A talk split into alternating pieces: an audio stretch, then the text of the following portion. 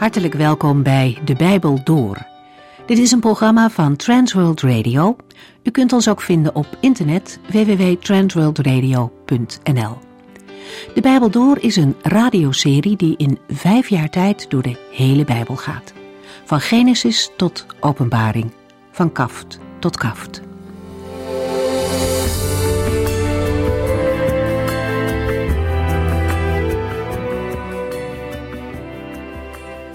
We zijn in deze serie iets over de helft van het Bijbelboek de Psalmen.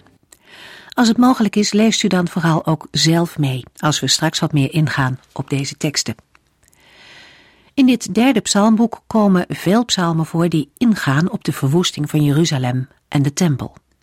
De innerlijke strijd waarmee de schrijvers te maken hebben, omdat de Heere zwijgt en zich afzijdig houdt, wordt indringend verwoord. Ook psalm 79 gaat daarover. De geschetste situatie past het best in de periode na de val van Jeruzalem in 586 voor Christus. In de Joodse erediensten is deze psalm gaan functioneren als terugblik op de verwoestingen van de tempel, zowel door de Babyloniërs als door de Romeinen, en ook als smeekbede om een nieuwe tijd. Het lied is door een nakomeling van Asaf geschreven, omdat het duidelijk niet in de periode van David past. In Psalm 79 lezen we naast een beschrijving van de treurige situatie ook een diep verlangen naar herstel in de relatie met de Heere God. Ook met het oog op het getuigenis naar de omringende volken. De schrijver beseft dat de toestand van zijn volk het gevolg is van de zonde van eerdere generaties. En dat erkent hij ook in zijn gebed. En tegelijkertijd pleit hij op de genade en de verbondstrouw van de Heere. Ook Psalm 81 is een indringend gebed rond het thema verwoesting en uitkijken naar de hulp van God. Hierin komt echter geen schuldbeleidenis naar voren. Wel beschrijft de psalmist in beeldende taal hoe vertrouwelijk de relatie tussen de Heere en zijn volk was. Hij pleit als het ware bij God op die band en verlangt ernaar dat de Heere zich zal ontfermen over zijn zoon, over de stek die hij met eigen handen geplant heeft. Zijn vergelijkingen laten zien hoe klein hij en zijn volk zijn, maar ook hoezeer ze bestaan dankzij de Heere God. Wat is het geweldig om vanuit de Bijbel ook vast te mogen houden aan de belofte van de Heere God, dat Hij het werk van Zijn hand niet los zal laten. Dat geldt voor Israël en dat geldt ook voor nu en voor u. We lezen verder in Psalm 82.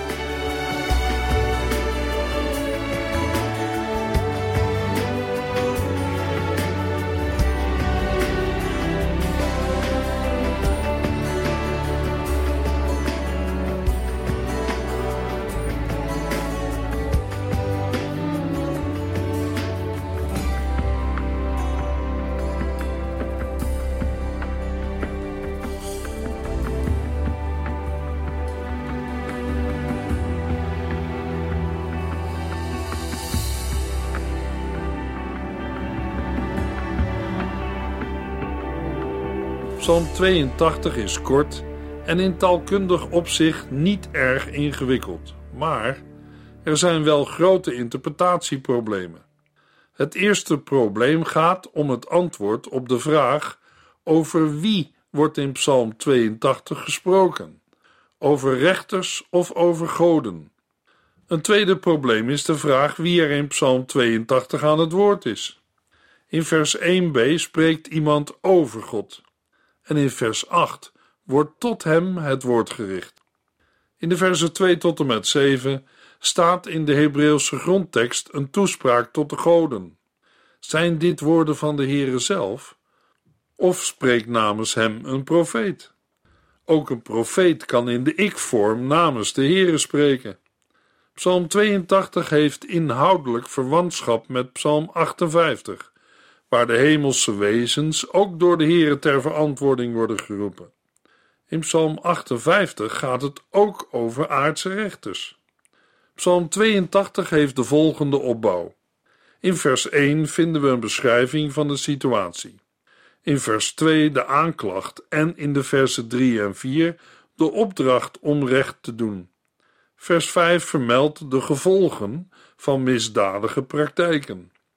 In vers 6 en 7 de status van de goden en hun vonnis, en in vers 8 een gebed. Het centrum van de psalm is de waarneming in vers 5. De Mishnah geeft aan dat de Levieten psalm 82 altijd op dinsdag in de tempel zongen. Wie worden er toegesproken in psalm 82? Zijn dat goden of rechters? Voor de uitleg van Psalm 82 is dat een belangrijke vraag. Het ligt het meest voor de hand te kiezen voor de optie waarin de goden worden toegesproken. De reden voor Bijbeluitleggers om te kiezen voor een andere optie heeft waarschijnlijk te maken met het verzet tegen de suggestie van een meer godendom in de Bijbel. Zoals ook op andere plaatsen is aangetoond, is Yahweh de God van Israël. Hij is hoog verheven boven de lagere, door hem geschapen goden, waarmee ook machthebbers en rechters kunnen worden aangeduid.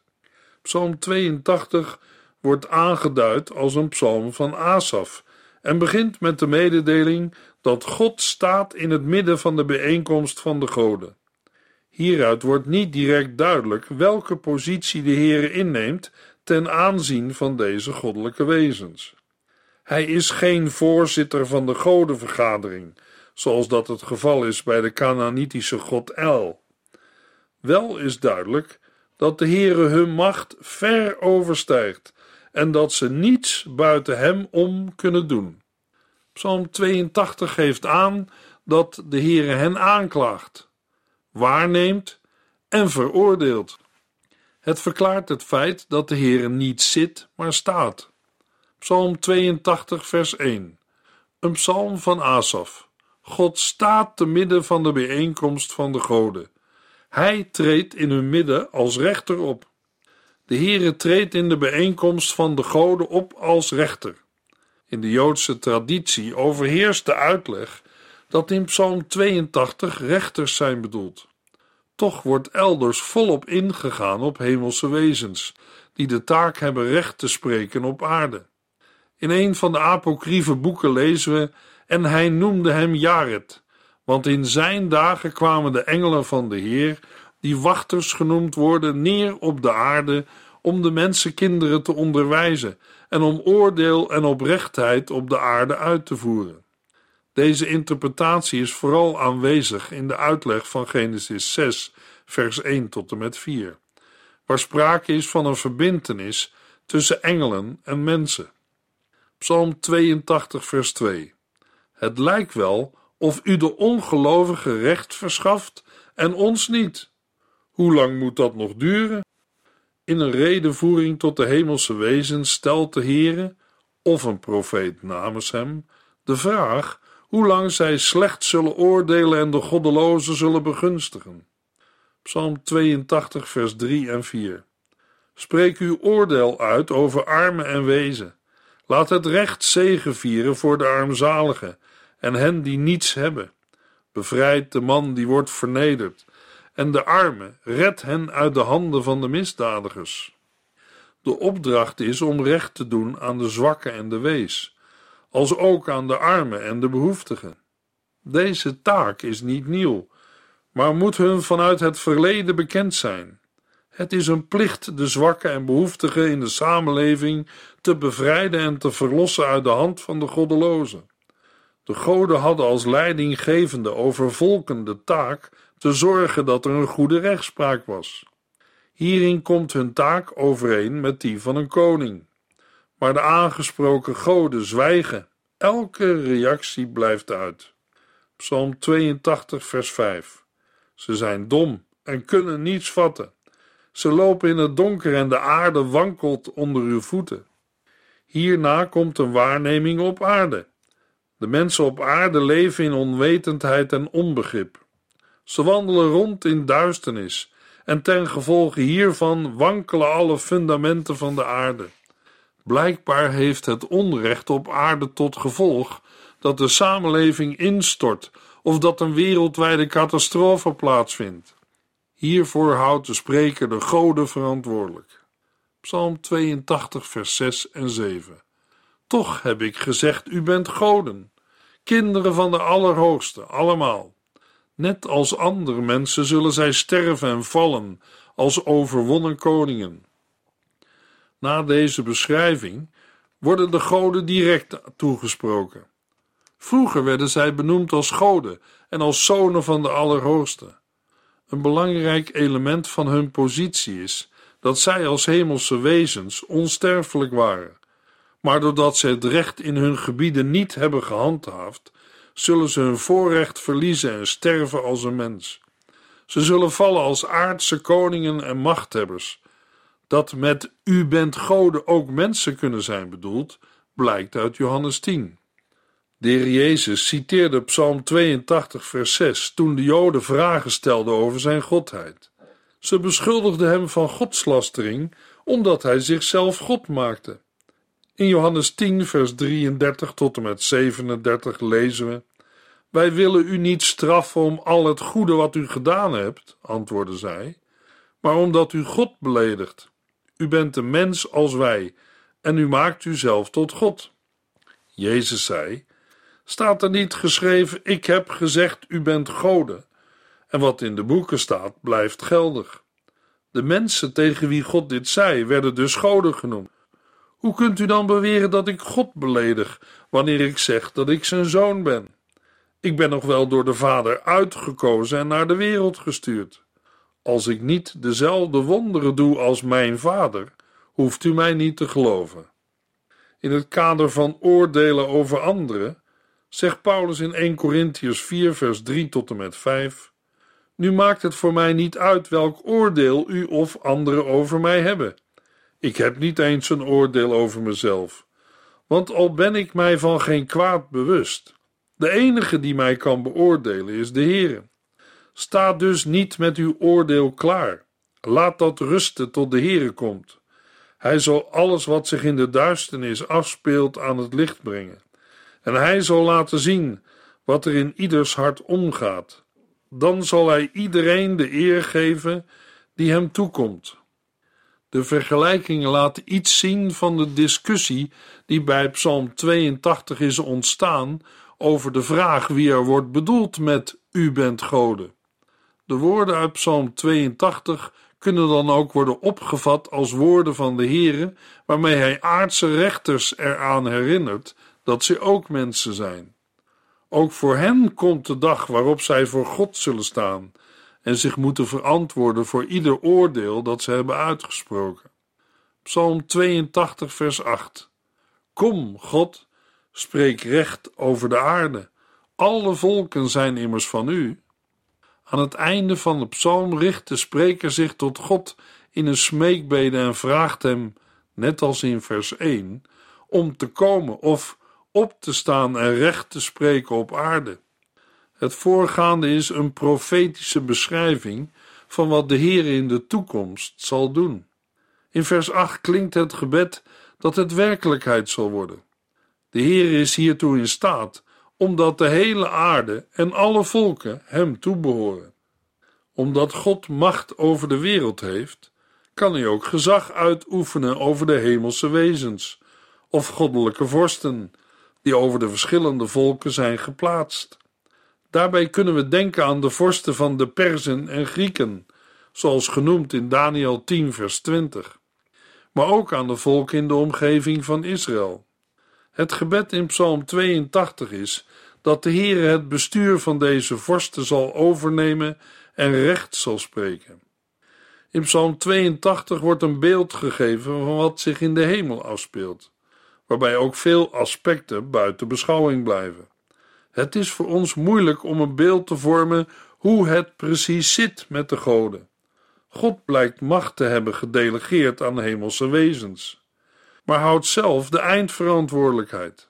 Hij kan de macht van goden of vorsten afnemen als hem dat goed dunkt, namelijk als de goddelijke wezens niet doen wat de Heere wil, het recht handhaven, dan trekt hij de bevoegdheden in. Het kan zelfs zo ver gaan dat ze niets goddelijks overhouden en hun onsterfelijkheid verliezen. Dit oordeel kan op bepaalde tijden in de periode van het Oude Testament zijn uitgevoerd en tot gevolg hebben gehad dat volken de nederlaag leden door de val van hun hemelse vorst. Deze goddelijke wereld is gedeeltelijk nog in stand gebleven. In Jesaja 24, vers 21 tot en met 23 wordt aangekondigd dat ooit alle machten van de hemel, gevallen engelen, die verbonden zijn met koningen op aarde, zullen worden berecht en veroordeeld. In het Oude Testament wordt vaak alles wat er gebeurt aan de Here toegeschreven. In Psalm 82 en andere Bijbelplaatsen zien we dat er verkeerde machten zijn die verantwoordelijk zijn voor kwaad op deze wereld. In dat opzicht kan Psalm 82 vergeleken worden met het Bijbelboek Job, waar sprake is van Satan, terwijl Job al zijn lijden en ellende aan God toeschrijft. In het Nieuwe Testament lezen we dat door Christus alles is geschapen, maar ook dat hij aan het kruis openlijk over overheden en machten heeft gezegevierd. De overste van deze wereld is al geoordeeld. Hoewel deze machten zijn veroordeeld en verslagen, zijn vele van hen actief en worden wij opgeroepen strijd met hen te leveren tot de dag dat Jezus terugkomt. Pas dan zal Christus hen definitief oordelen. We gaan verder met Psalm 83. Psalm 83 kan worden aangeduid als een klaaglied van het volk en valt uiteen in twee delen. In de Hebreeuwse tekst worden de delen gescheiden door het woordje Sela. Het eerste gedeelte wordt gevormd door de versen 2 tot en met 9. Het is een klacht tot God dat hij niets doet om de ellendige positie van Israël te verbeteren. Na de oproep aan de Heer om te luisteren, volgen twee passages waarin de reden wordt genoemd waarom God zou moeten handelen. Het tweede gedeelte, de versen 10 tot en met 19, is een soort verzoekschrift in drie delen.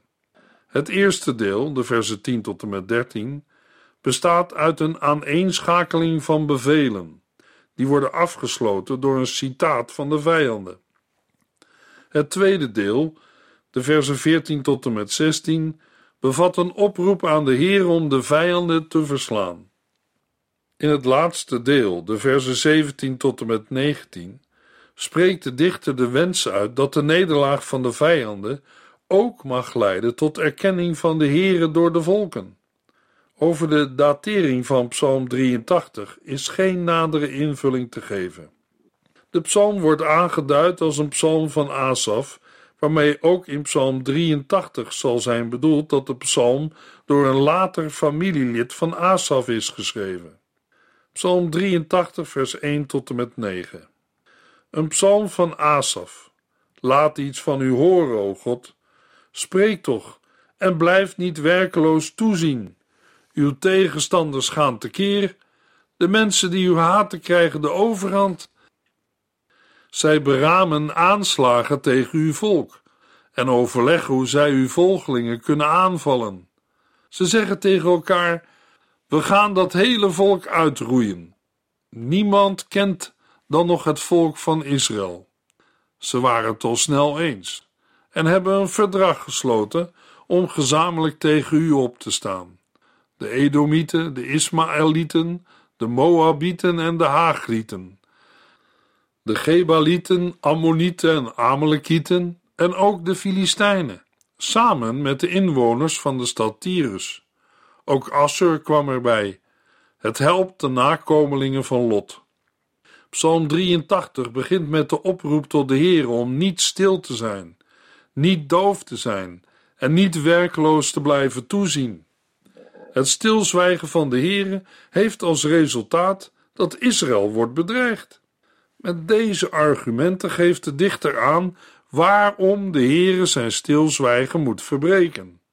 Het bewijs van dreiging is volop aanwezig. Want Gods vijanden gaan tekeer en zijn haters krijgen de overhand. Zij beramen een complot en beramen aanslagen tegen het volk Israël, hier aangeduid met uw volgelingen. Vanuit deze versen wordt duidelijk dat Gods vijanden ook de tegenstanders van Israël zijn. Het voorbestaan van het volk is in het geding. Ze hebben namelijk de intentie het volk uit te roeien, zodat niemand zich meer de naam van Israël herinnert. In de tweede onderbouwing van de oproep geeft de dichter nog meer argumenten. In de versen 7 tot en met 9 volgt een opsomming van de volken die bij het complot zijn betrokken en gezamenlijk een verdrag hebben gesloten. Het gaat om een totaal van tien volken, en daarmee is in het Bijbelse spraakgebruik iets weergegeven van een afgerond geheel. Daarbinnen valt de nadruk op het machtige volk van Assyrië. De negen kleine volken bevinden zich ten oosten en ten westen van Israël. Het land wordt feitelijk door hen omsloten. In de versen 10 tot en met 19 spreekt de dichter de wens uit dat God met de eerder genoemde vijanden van Israël zal handelen zoals hij heeft gedaan met de vijanden in de tijd van de rechters of richters. Psalm 83 noemt een aantal voorbeelden en spreekt daarmee ook het verlangen uit naar een herhaling van dergelijke overwinningen in de tijd van de dichter. In de versen 10 tot en met 19 komen ook de motieven van de vijanden aan de orde. Zij hebben de intentie om het land dat God voor Israël tot woning heeft gemaakt in bezit te nemen. Daarmee vallen opnieuw de zaak van de Heere en die van Israël samen. In het slotgedeelte vraagt de dichter of de Heere de vijanden te schande wil maken, zodat ze Gods naam gaan zoeken. De hoofdintentie van de dichter is niet de vernietiging van de vijanden, maar dat zij die strijden tegen de Heere en Israël tot innerlijke verandering zullen komen en Hem zullen erkennen als God. Dit wordt uitgewerkt in de laatste twee versen. De dichter verlangt naar een wereld die de Heere zal erkennen. Als dat gebeurt, zullen de volken Gods naam niet meer bespotten. Psalm 83 laat zien dat een aanval op Israël ook een aanval op God zelf is. Als de gemeente wordt vervolgd en bespot, is dat ook een aanval op Christus, het hoofd van de gemeente. Een christen die bidt voor vervolgde gelovigen kan vragen of de Heer zijn eigen naam wil verheerlijken door redding te bieden. Daardoor wordt voor alle volken zichtbaar dat de Heere verlost. Gelijktijdig moeten we hierbij beseffen dat de verheerlijking van Gods naam ook kan gebeuren in het lijden van zijn kinderen. Het Bijbelboek Openbaring laat zien dat de Heere zelf zijn naam zal zuiveren en zijn volk zal verlossen. Het is de vervulling van de bede uit Psalm 83. We gaan naar Psalm 84. Na de vele psalmen die handelden over vernietiging van vijanden, laat Psalm 84 een ander geluid horen. Voorop staat het intense verlangen naar omgang met de Heere en verblijf in zijn tempel.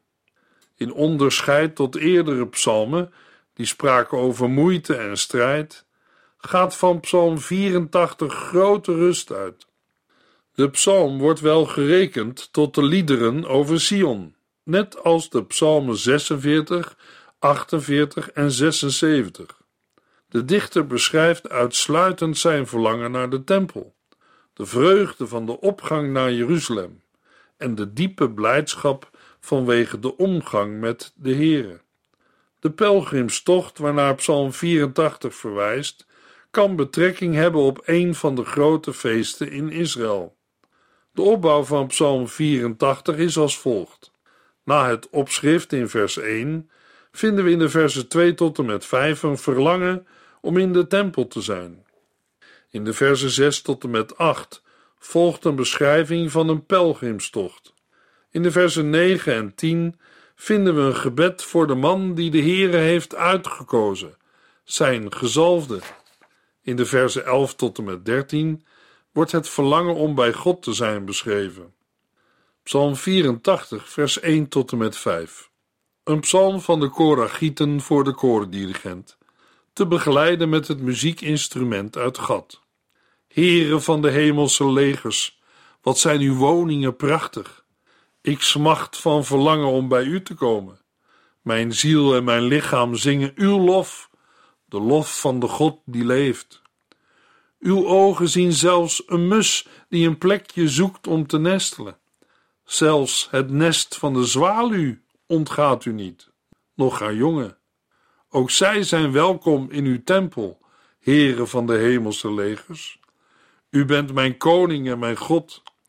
Gelukkig zijn de mensen die heel dicht bij u leven. Zij zingen lofliederen voor u. De psalm begint met een aantal regels waarin staat hoe geweldig het is om in de tempel te zijn. Vers 5 sluit af met een zaligspreking van hen die in Gods huis wonen en voor hem lofliederen zingen.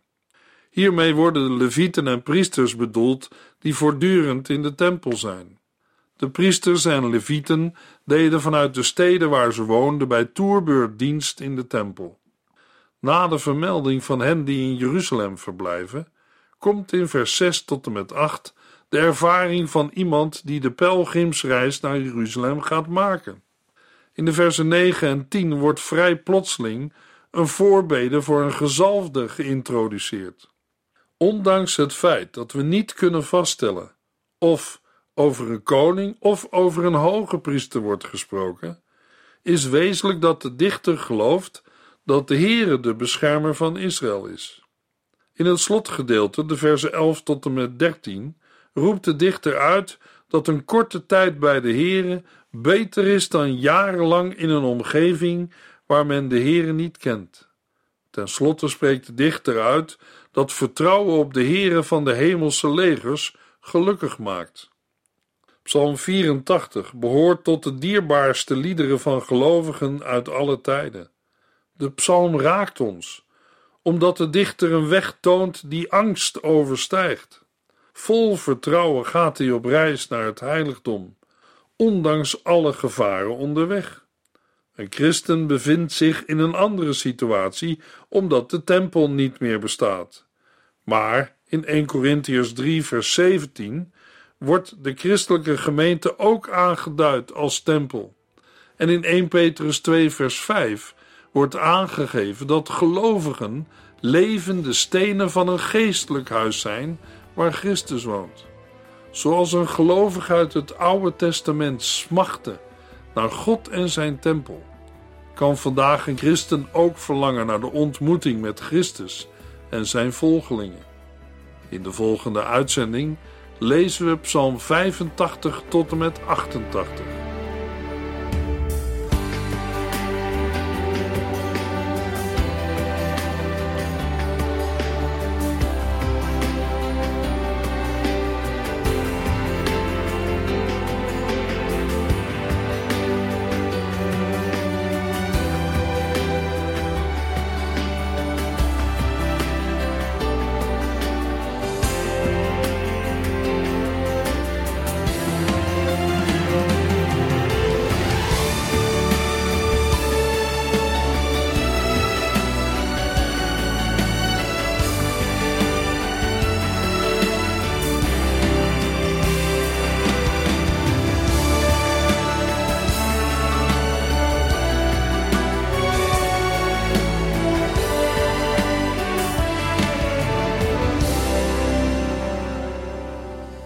Eindigt deze aflevering van De Bijbel Door.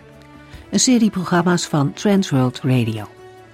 Wilt u ons iets vragen of meer weten? Dan kunt u altijd contact met ons opnemen.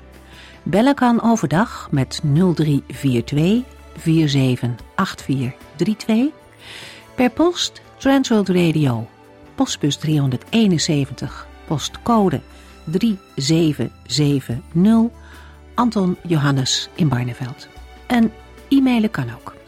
De Bijbel door at transworldradio.nl En natuurlijk ook via onze website transworldradio.nl Dit programma werd gepresenteerd door Cor Weda en Ike André. En namens iedereen die er nog meer aan meegewerkt heeft, graag tot de volgende keer.